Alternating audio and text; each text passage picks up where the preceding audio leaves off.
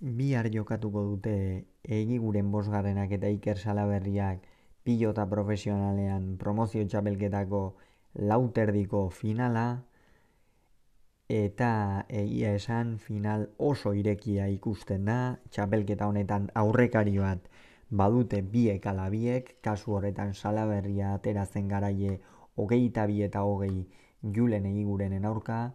Baina hau oso bestelako partida da hau finala da eta egiguren entzat profesionaletako irugarrena izango da izan ere aurretikan lauterdian 2000 eta hogei garren urtean jokatu zuen eta buruz buru 2000 eta hogeita bat garren urtean eta aldiz salaberriak orain ez du finali jokatu profesionaletan biharkoa izango du lehena eta ziur motivazio handiarekin iristen dela.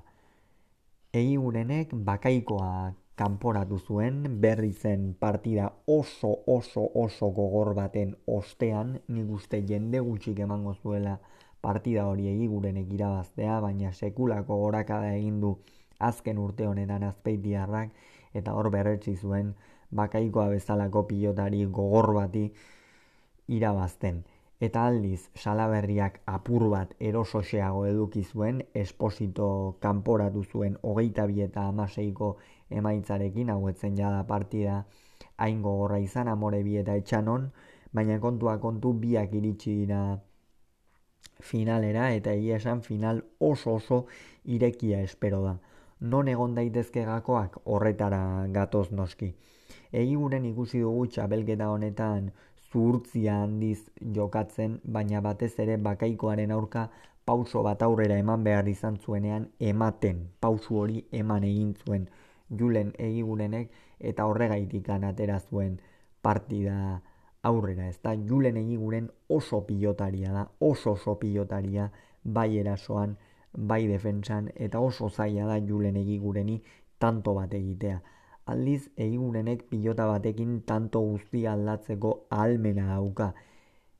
Batez ere bi eskuak dituelako, bai eskuinez eta bai ezkerrez oso ongi moldatzen da, baina batez ere ezker zeharretan, hau da, txokotik zabalera egindako jokaldietan, erabat tanto aldatzeko gai da abiadurarekin, eta horretan salaberriak behar bada bihar asko, asko sufritu dezak ez da, Aldiz, salaberriak badu hori ekiditeko arma bat, noski sakea ikeragarria dauka, salaberriak oso ongi sakatzen du azpi azpitikan, eta horren ostean lotxagabea dela, ez da hor aurrean ez dakikiltzen, behar bada egiguren baino hobeki edo ausartago joan hori da pilotaren bila hor aurrera, eta horri izan dezake gakoa salaberriak piloteoan aritzen badira badaki julen egigurenek asko izango duela irabazita eta orduan salaberria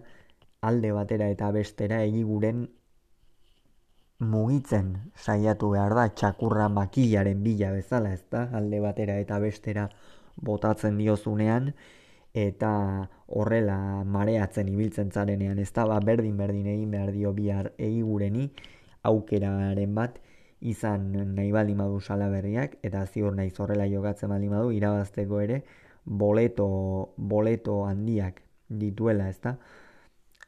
Aurrekariko partida ez nuen ikusi onartu beharra daukat aurrekariko partida ez nuen ikusterik izan baina entzun nuenaren arabera egigurenek sekulako erakustaldia eman zuen asera horretan eta amaieran apur bat itzali egintzen aldiz berrizeko partidan alderantzizko gauza bat izan zen, ezta? Bakaikoa oso ongi hasi zen, baina horren ostean egigurenek pauso bat aurrera eman, jada usartago jokatzen hasi eta jokoaren ekimena hartu, eta hor hasi zen apur bat tantoak amaitzen ezta. Hor orduan egigurenek uzten digu galdera ikur hori edo, baina iruditzen zait partida oso oso irekia dela, oso partida ona, eta gainera biharko irabazleak ez du sari bakarra eukiko, sari bikoitza noski sari garrantzitsuena txapela, egi guren entzako lehen da bizikoa izango litzateke, baita salaberriaren ere, baina egi guren entzako lehen da bizikoa aurreko bi finalak galduta dituelako, bata elordiren aurka lauterdian, beste apeio etxe berriaren aurka buruz buru kantxa osoan, biak alabiak promozioan, eta salaberriak berriz, bere lehen da biziko finalean jada irabazi egin nahi du. Ez da horretan ez daukagu zalantzarik, eta ikusiko dugu, ikusiko dugu ea zer gertatzen den, eta barkatu hemen ari nahi esaten, salaberriaren lehen da biziko finala dela, baina uste dut ez. Baina uste dut ez ez. Zen oski, hemen, hemen ari gara esaten bai, baina uste dut edo kerrez palima naiz, ez da lehen da biziko finala salaberriarena.